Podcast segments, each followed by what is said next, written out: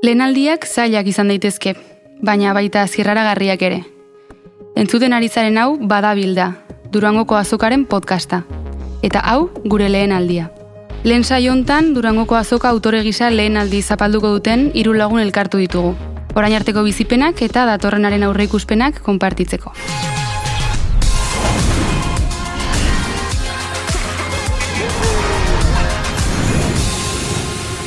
Berriztarra da Julen Apeia. Postal bat desertuan poema liburua aurkeztuko du Durangon, balea zuria argitaletxearen eskutik. Bilduma honekin irabazi du seigarren Donostia Kultura Poesia Saria. Josune Freire Oriotarra itaka taldeko bateria jolea da. Aurten salmaiaren bestaldean izango da biluzten diska aurkezten. Antzerkiaren prestigio sozial falta kezka da maigoikoetxea Donostiarren entzat. Kezka horretatik ondu du, ura jaten saiakera, antzerki munduko hainbat kide elkarrizketatuta. Eta anabasa honetan gidari eta bidelagun, amets aranguren.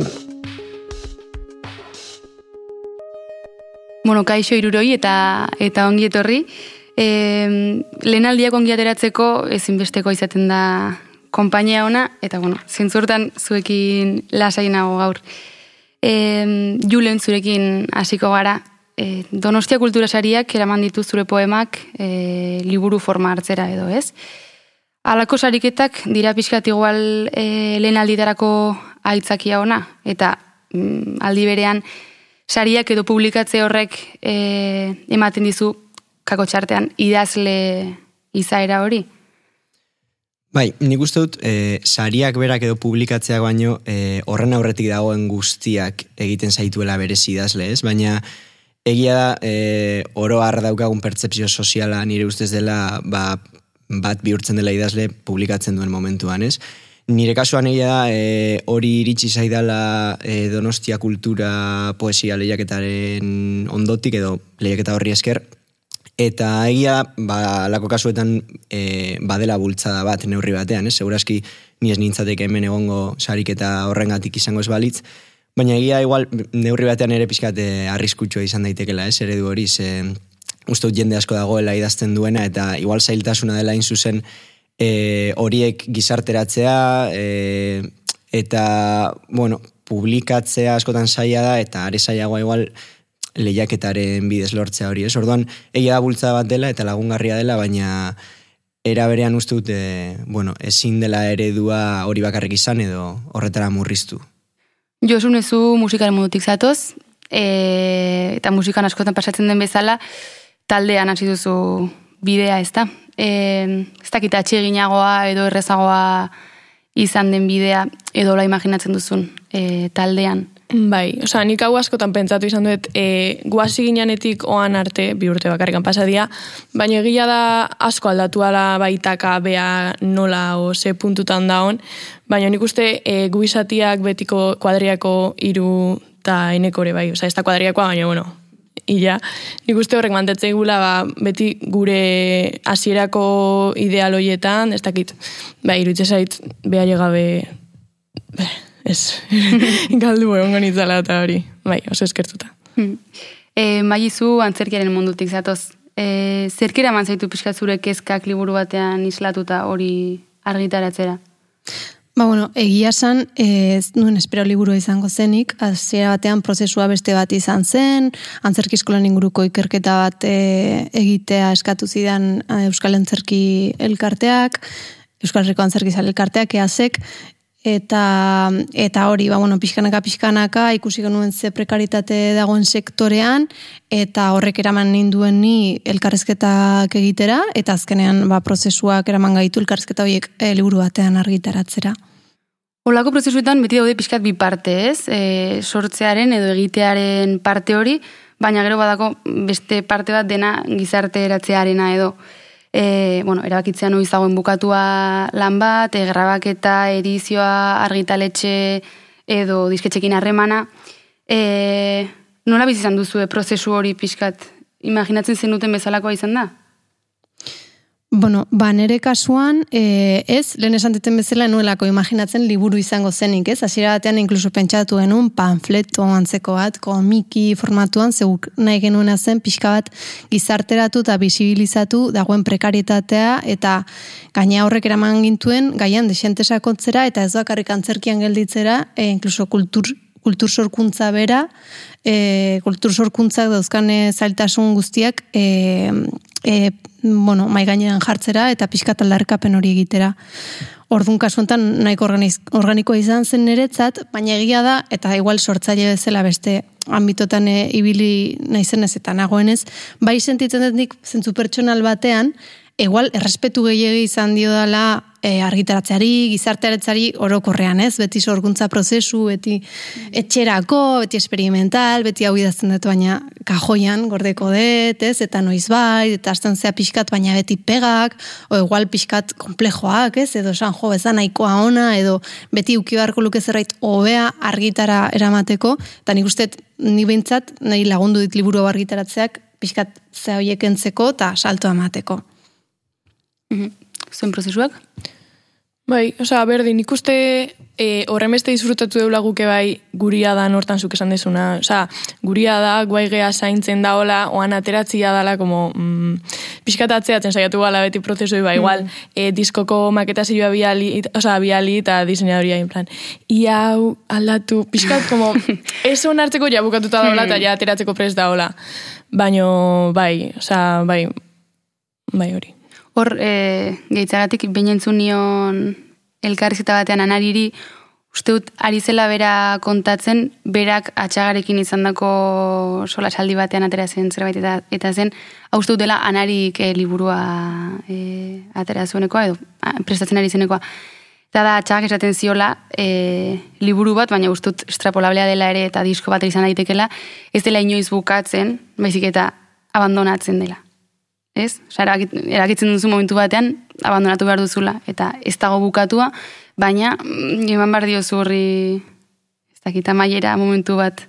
Maiera bat, nik me horrela bizi izan induten, justu, ze, mm. azkenean nik e, eduki duan muga zentzurretan e, lehiaketa izan da, ez? Mm-hmm. Azkenean lehiaketara orkestu behar duzu lan bat, eta PDF bat entregatu behar da egun eta ordu konkretu batean, orduan horrek markatzen du abandunu momentu hori, ez? Mm Baina egia da, askotan pentsatu izan du dela, alako muga konkretu bat eduk izango ez, izan ez banu, ba noiz bukatuko nuken lana, ez? Agian inoiz, agian orain dibueltaka yeah. egongo nintzateken, eta ba ez dakit uste dut hor, e, badagoela hori, ez? E, batetik dagoela zure aurretik egin duzun lan pertsonal guztia, askotan ba maili gaipatu den bezala, ez? Bakardadean, ba igual mm, bakoitzak bere kabuz, e, forma experimentalagoan, intuitiboagoan, gehiegi pentsatu gabe igual ere askotan, eta gero, ba bueno, puntu batetik aurrera, gizarteratze hori dagoenean, edo hori ateratzen denean, baina hori beste plano atera pasatzen dela, ez? Eta horrek eh, askotan ba beste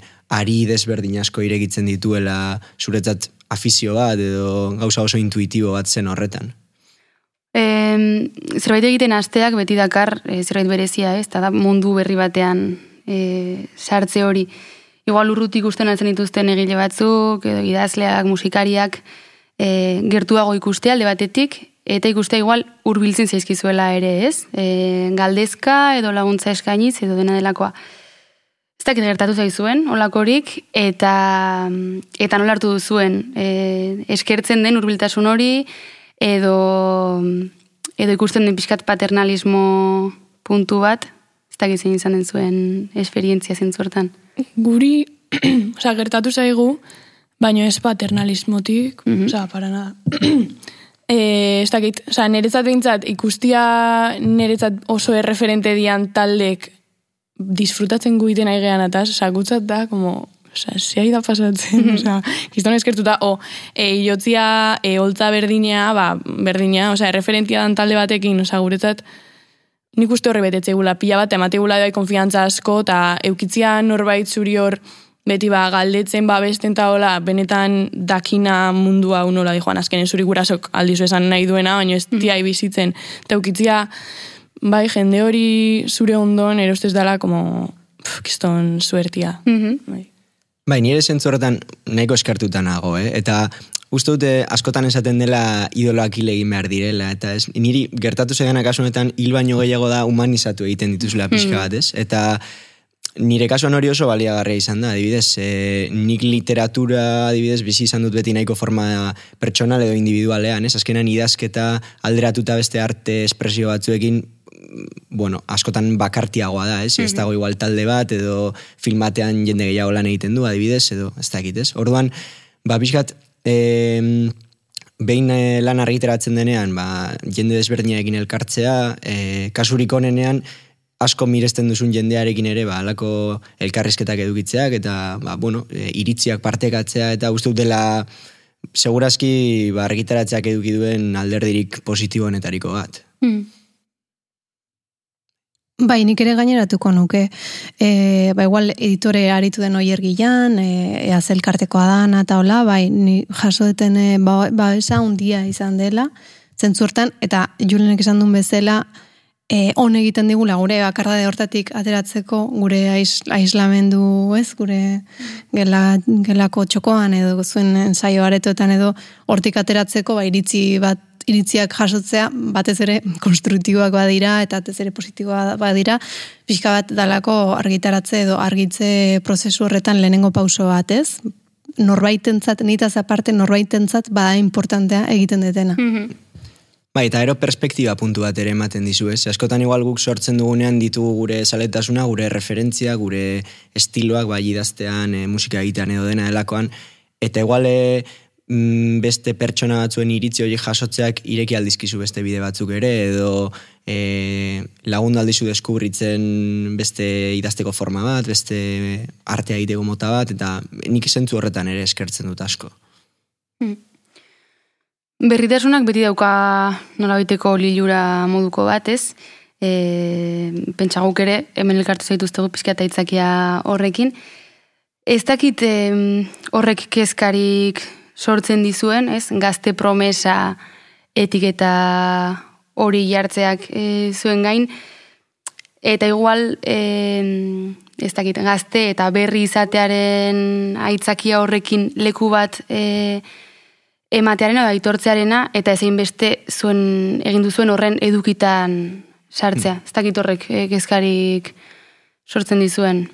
Bai, ni gustu dut azkenan etiketa bat dela gazte, ba, beste etiketa asko daude bezala, ba, gazte izate hori askotan etiketa bat izan aldela, ez? Eta denok daukagu joera hori klasifikatzeko, ez? Uste dut Mm. denok egiten dugula. Baina, uste dut, adibidez, eh, horren arazoetako bat dela etiketa horren atzean bilatzen denean oso eduki konkretu bat, ez? Nik uste dut askotan gazte termino imaginatzen dugunean, ba, imaginatzen dugula ba, zerbait berritzailea, baina askotan berritzailea e, erreferentzien ikuspuntutik edo, ez? Ba, gu igual belaunaldi gazteagoak e, garenez, ba, imaginatzen da gure lanetan agertuko direla, ba, ez dakit, e, gure mundualdiaren ezaugarriak edo gure keskak edo dena delakoa, baina askotan nik sentsazio daukat e, erreferentzia mailan gelditzen dela eta batzutan pixkat anekdotikoa ere izan aldela, ez? Askotan em, edukian ez denean gehiegi sakontzen, ba, e, erreparatzen dela gehiago igual, ba, horrelako gauza konkretuak, ez? gure munduari erreferentzia egiten dietenak, eta ez horren beste zer eta nola hitz egiten den mundu horretaz, e, ze forma erabiltzen diren, ze estetika erabiltzen den, ez? Uste dut hori ere egon daitekela kasu batzuetan. Bai, eta pixkate bai, emateula zure etiketa horien baitan inberdezula itezun guztia, guri, guri bentsat pasatzegu, gaztek izan da eta gaina iruneska taldeen, emateu itzein berdeula, o gaztetasunaz, o feminismoaz, da, como, ez, oza, esanet, ni musika itet, eta mm letitzen gogoak maditen ataz, baina, bai, aurre suposatzeue, e, itzein berdeula, aktivismo puntu hortatik bezala, ez tala, e, Ez, oza, nik ez den nahi, ez diot inorri lexioikan eman nahi, eta ez den nahi hemen ez erre, e, bueno, aldarrikatu ba, bai, oza, ja iru neska estenario gainen gauden e, momentutik aiga aldarrikatzen, baino, oza, nahi, ez da hori gure helburua. Eta askotan helburu hori pixkat jendiai distor, distorsionatu edo itezaio, nire ustez. Nik uste hori gaina gazte sortza eta gauzaiek gaur bertan gaina toponet horri naiz eta ikusi dute publizidade bat eta amorru desiente mandit, o bueno, bizkat ironik eruditu zaitze jartzen zuen e, sortu, berritu, olako zerbait, eta tipo bat, ola, mutil gazte bat, ola, imaginatzen bezala goraka begira edo, eta jarren biratzen letra txikia, ez, eta jartzen zuen ingeniaritza, zientzia, ba, teknologia, olako zerbait, ez? Eta seguruna, pues, ez dut, gehiago iratu, baina unibertsitate pribatu bat, edo ez, e, gipuzkoak ez dakit, e, Euskal Herriak nahi mainte du, gazte, ez dakize, eta hori iritzen zait nahiko, e, e, bueno, nahiko gezurteroa, nahiko lehenengo horre edo kutxan agertu daitezken ez, e, gazte enpresa eta, bueno, hori kajala horrelekoa da, baina, bueno, hau da, honekin esan nahi detena da, nahiko itxurakeria dala, eta pixka bat e, bazenbait baloreren edo e, defendatze dutenaren erakusle edo, baina nahiko gezurtero eruditzen zait e, behintzat, eta Euskal Herrian behintzat, eta orokorrean esango nuke bestituki askotan, ez dalako, kultura ez dalako lehenesten, punto, eta gaztea bazera, ba ere ez, eta listo. Bai, nik gehituko nuke, e, Josunek aipatu denaren hildotik ez, e, askotan e, gazte bezala esleitzen zaizkizunean gai batzuk hori buruz hitz egiteko, ba, ematen duela beste zerbait buruz ezin dezakezula hitz egin, ez? Eta hori dela arazoa, ematen du badaudela alako gai unibertsalago batzuk, e, ez dakitzea dinetik aurrera zaudena zilegiztatuta aiei buruz hitz egiteko, ez? Eta gaztezaren bitartean gehiago teorian gaztetasunari dagozkion, ba, ez da gaiei edo problematikei buruz e, aritu behar zaela, ez? Eta hori da nire ustez pixkat problematikoa izan daitekena alako etiketak erabiltzen direnean. Ze impresio daukat igual, zuk aipatu zu emakumena ere, ba, alako beste etiketa batzuekin ere igual antzego zerbait gertatu aldela, edo? Bueno, gazte etiketarena aipatu dugu eta eta zuek esan duzu ez, e, batzutan etiketa horrek agian mugatzen alzaituztela edo edo espektatiba batzu jartzen direla egiten duzuen hortan, e, pixkat etiketa hori alde batera utzita, ze dakar zuezuek e, zuen lan hauetan? Ba, guk adibidez, oza, justo diskonekin gure helburu nagusia san, aurretikan nahi patueten etiketa haue guztikin pixkat esatia de, ja, ya está. Osa, Itia zerbait jaz e, solidogo, zentzu gehiokin, de hecho, oza, atera de un aurreneko kanta nahi ta izan, oza, aukeratuta dago, gorro, o, bueno, kainero gola izatia, e, ja jendeak esateko, bale, hauek, bale, zeo ze idea iten, ondo pentsatuta, e, zeo ze seri, bueno, seri jo, e, mm. nuke esango, baino, bueno, gehiatu pentsatutako zeo ze, hoi da. Bai. Orduan disko hau nik uste dala justu hori, oza, pixkat e, kolpe bat emateko de, bale, oan arte ondo pasa deuta hori dana, baino, baki guzai ganiten, no esan Eta badugu zer esan. Bai, badugu, mm -hmm. oida, baka esan, eta hori dana que gero letrak egia da, e, pixkat, e, hipokrita esan detenakin, baina gazte tasunan ingurun digo azti. Baina beste modu batea esan mm -hmm. horren e, biba la vida hola, igual pixkat espero buena hori dala, orduan, bai, gure dizkako ise. Mm. Bai, nire kasuan, bueno, saia zait e, definitzea berez, e, nire kasuan adibidez poesia lan batek konkretuki zer den eskaintzen duena, da nire kasuan zer den bereziki e, lantzen dena e, bilduma horretan, ez? Askotan nik sentitzen dut nahiko lan eklektikoa dela nire kasuan eta e, poema bakoitzak bere zera eduki dezakela, ez? Baina pixkan lehen aipatu denaren hildotik, e, bai uste dudala, badagoela gaur egungo mundu aldiaren eta pixkan nik neuk e, igual forma introspektiboago batean e, ba hori dena nola bizi dudan horren adirazpen bat edo, baina e, uste dut hori egiteko, ba bueno, badaudela ez da egite, e, beste garai batzuetako referentzia batzuk gaur egunera ekarria adibidez, e, badagoela ez da egite, lanketa bat bilatzeko mm, gaur egungo munduari buruz nola hitz egin daitekeen edo ba, poetiko zer, zer aldaketa edo e, eskaini alditu nik, Eta pixkat horren hildotik zen nik lehen aipatzen nuena ere, ez? Askotan igual, e, ba, nire lanean pentsa diteke, bueno, agertzen dira sare sozialak, eta agertzen da e, ez dakit zer. Eta horregatik, erreferentzia horien gatik, ja, gaztea da, ez? Gazte baten lana da. Eta nik uste dut, ba, hortik pixkat aratago joan behar garela, ez? Hoiek agertzen dira, baina horrez gain, ez? Zer dago, edo zergaitik izan daiteke gaztea, edo zergaitik izan daiteke berria. Da, bueno, nik uste dute hori dela pixkat sakonago joatea edo hori dela nik eskertzen duan adibidez irakurle baten partetik mm iritziak trugatzen dituanean jendearekin. Ba nik e, ez dakit nire gaztetasuna nolako katu dezakedan hor e, liburuan edo egin ditut ama bost elkarrezketa okerrez banago, ze pare bat justo liburutik atea berri izan ditugu, ba, bueno, zela oso luze gelditzen zelako, eta beste hainbat gauza. Eta Euskal Herri osan ebili naiz, osea, provintzia bakoitzetatik aukeratu deta hainbat, bai, bai, bai Nafarroa, bai Gipuzkoa, Bizkaia, Araba, e, Iparralde, eta pixkat representatiboa izan dadin, eta egia esan, adinaldetik, egia esan ez dagoela, hola, bueno, ormen esan barko gaztetasuna zaikia, baina zer da gazte izat, osea, zenbat urtetik aurrera gera gazte ja ez eta gazoiek, ez dagoela pertsona oso oso, bueno, bat ema badagoela gazteagoa edo, badago jendea ibilbide luzekoa, e, eta oso profesionala, eta beste batzuk pixka bat, bueno, gazteak badaude, pixka bat amateurismotik, eta, eta ba, E, ba, bueno, sortze prozesuen inguruan, antzerkian inguruan batik bat, baina lehen esan bezala baita ere kulturarloan, e, horrek suposatzen ditun zailtasunak, ez bakarrik e, ola oso oso praktikoak, ba, pixka taldarrekapen e, politikotik, baizik eta baita ere, zentzu intimoenean, ez gizarteak nola, gizarteak eta guk, e, guk ere geure burua nola baldintzatu dezakegun, ba, pixka bat, e, ba, nor, sortzaileak izan ditzazken komplejoak, edo barnea hotxak, ordu egia esan nahiko, azkenean, atea da, eta nik uste hori ez duela espero nik ere, eta igual beraiek ere ez, ba oso nahiko liburu mardula sakona eta sartu gea bete-betean. A ber, azken galdera bat eh, kuriosidadez, em, lehen lana denean, em, agian baduzue, ez dakit bentaja bat, baina aldi berean ere e, desabantalla ere izan daitekena, jendeak ez du zuen irudirik oraindik hasi, ez? Edo lehen e, lan honekin, ez dakit, hastin zara osatzen agian zure profila e, irakurle edo, edo entzulearen dako. Momenturen batean, e, zuen egite prozesu hortan presente egon da, hori, hartzailearen papera eta izan du eraginen bat. Ze uste dut, ez da gite, zorain japiskan nire esperientziatik, em, gerota denbora gehiago eman hortan, orduan eta pisu gehiago izan dezakeagian, e, kanpotik egon daiteken espektatiba batek, ez? Zeia, mamuzu irudi bat, jende bati gustatu zaio, edo zaio gustatu, eta, eta ez dakit, irutzen zaitu horren pisua agian handiagoa dela, e, ez dakit lehen aldi hontan izan duzuen presente figura hori.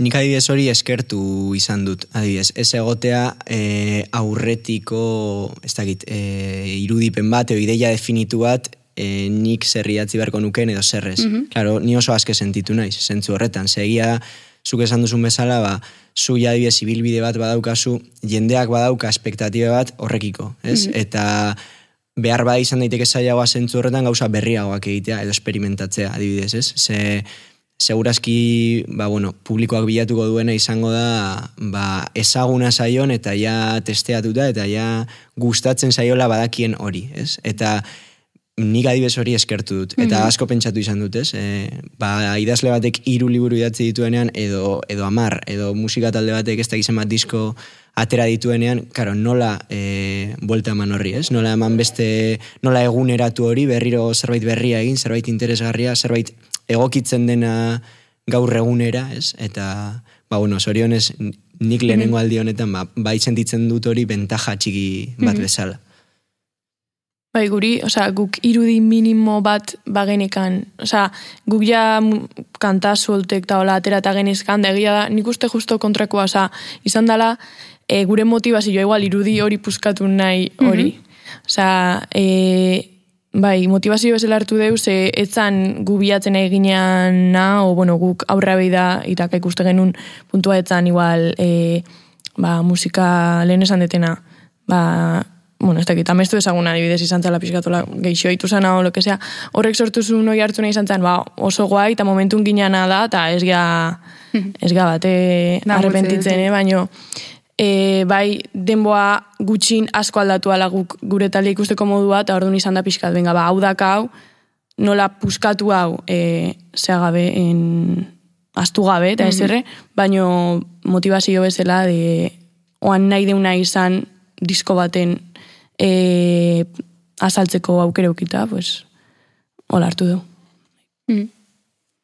Nik uste publiko, publiko egiteak eta, bueno, zentzu baten publiko egiteak, eta baitakore komunikabideek eta hola jotzen degula, jotzen dutela askotan zu, zu pixka bat kokatzera, ez? Hau da, Julen, ez? Julen da, idazlea, poeta, ta, ta, ta, josune musika, eta ni, pff, iasan, hola, gauza da xente interesatzen zaizkidan, eta egiten ditu da, no, behintza saiatzen nahi zen, momentu batzutan pixka bat, banoa, ez, o bizitzako eta batean banoa toki batetik, gero beste batetik, eta hola, iasan, jo, hori kostatzen zait, eta liburuan agertzen da pixkat sort sortzaileen munduan dagoen zera hori, eta da, nola definitu zure burua, ez? Zetik eta jarri edo hainbat jarri, edo nola egin, ez? Igual, zerke egiten gaitu, ez? Lehen aipat galdetu jozu juleni, argitaratu zu liburu honek egiten zaitu idazle, karo, joe, e, pff, pixkat komplexua da, eta nik, uste dut, guai dagola, zabaltzea,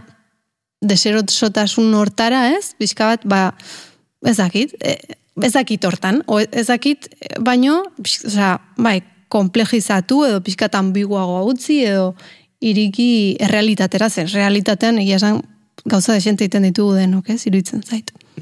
Bai, eta gero gainera, e, mm, pide batzuk bere serenaiko interdisciplinarrak direla, ez? Orduan, ba, ez dakit, e, zugadioz e, orain argitaratu duzune igual, elkarrizketa e, elkarrizketan oinarritutago liburu bat da, baina hor egongo da ere zerbait literariotik, edo nik egin dudanak ere edukiko du zerbait, ba ez dakit, demagun e, musikatik, musikaltasunagatik, edo sinematografikoki, ba irudien erabileragatik, mm. edo josunek egiten duenak, ba segurazki literaturatik ere edukiko du, ez? Orduan, egia da igual oso kategoria zurrunak direla, eta puntu batzuetan segurazki beharrezkoak direla mm. ere, eh? baina baina bai, igual interesgarriagoa da, da interesgarriagoa da horiena bizkat e, e, lausotuta ustea edo lausotuta ustea mm. edo ba pizkat horren inguruan ausnartzea ere, ez?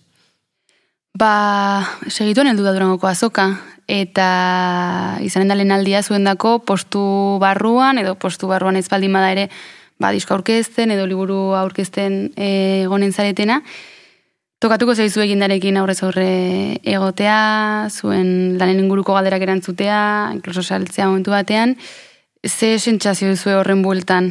Orduri zaudete, gogoz, e, ze imaginatzen duzue? Ba, gu kriston gogoa, oza, nik uste gu gaudela, e, da kabla inda, e, bizio guztiz idealizatu bat edurango kasokana, guazorrea, en plan, ba, jongo, bueno, dana olartze deu, en generalen kontzertu, dana olartze deu oso, Ez dakit, importantzi gehiagin man gabe eta hola, gero egia da hor gaudenen, gaina esan digue durangoko azokatik danak gaixo bateatze jala. Ez dakit gula sepasatzean, baino beti hor da hola zerbait. Orduan, bueno, ikusiko dugu. Baina bai, gu kriston ilusioakin, gaina ze, egon toki baten, behidatu ingurua, eta dana literal gure referente, gure, mm. ozeiz, egon goga, como, wow, e, bizitzen momentua, zige bai. Zuek? Bai, nik uste badela aukera bat, ez? E, batez ere, ni urte askoan egon naiz bestaldean, ez? Horre, azokan, ba, bueno, ikusle edo entzule bezala.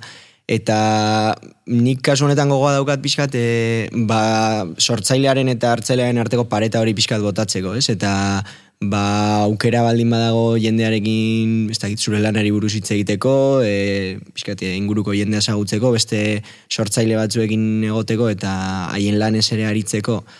Eta, bueno, kasu honetan, asokak ematen badu aukera ba, hori egiteko, ba, ongietorri izan da dira, ez? Nik, zentzu horretan, nik balio hori ematen diot kasu horretan e, asokari, ez? Urtean zehar igual, alako plaza gutxiago egoten direla, eta ondorioz, ba, aukera gutxiago ere, alako ba, literatura bera edo artea bera igual zentzu kolektiboago batean bizitzeko, eta nik neuko horretarako goga daukat bereziki. Bai, izango nuke aukera dela saretzeko, hori importantea da, sarea egiteko, aukera bat ba, hori bisibilizatzeko, pixka bat, justo jendarekin hitz egiteko, ezagit komunikabidetan e, bari, ba, agartzeko, eta pixka bat e, olako errekonozimendu txiki bat edo bidea irekitzen jarraitzen laguntzen digun aitzakia bat niretzat hori da. E, imaginatzen dut e, gitarra guari begiratuko zeniotela pixka bat, ez dakit planik egin duzuen, pues, itzali ontara joan nahi dut, edo kontzertu aurkezpen hau ikusi nahi dut, hau ze planik? Bai, oza, nik esan berdet, e, justu hori joko festakin... E, Ala! Koinziditzeula Durango kosok korrondak hau, hola, oso ondo planifikatuta egoteko, bai, horioko festetan, bai, Durangon, mm. gero bai, e, nahi deula egun bat hartuan loiteko, eta, por desan digu festa sobran, mm -hmm. hori de, obviamente, bai, eta horrendak hau dana, oso ondo kuadratuta danen egon alizateko. Mm. Así que, bai. Bueno, nire kasuan etxetik urbil elitzen zaitu orduan, plan berezirik ez dut, baina seguru egun batean baino gehiagotan ibiliko naizela hortik urbil. Mm -hmm. Bani, egun pasa jungo naiz, e, abenduraren zazpian, ostegunean, aurkezpena daukadalako atxaldean, orduan egun pasa jungo naiz imaginatzet goizetik, eta hortokatzen dana. Ni ere nik ibiliko naiz, beraz, han egin dugu topo. Eskerrik asko bai. tortzatik irukote. Zuei. Eskerrik asko. Aurtengoa Durangoko azokaren berrogeita emezortzi garren edizioa da. Entzun duzun hau berriz, badabilda Durangoko azokaren podcasta.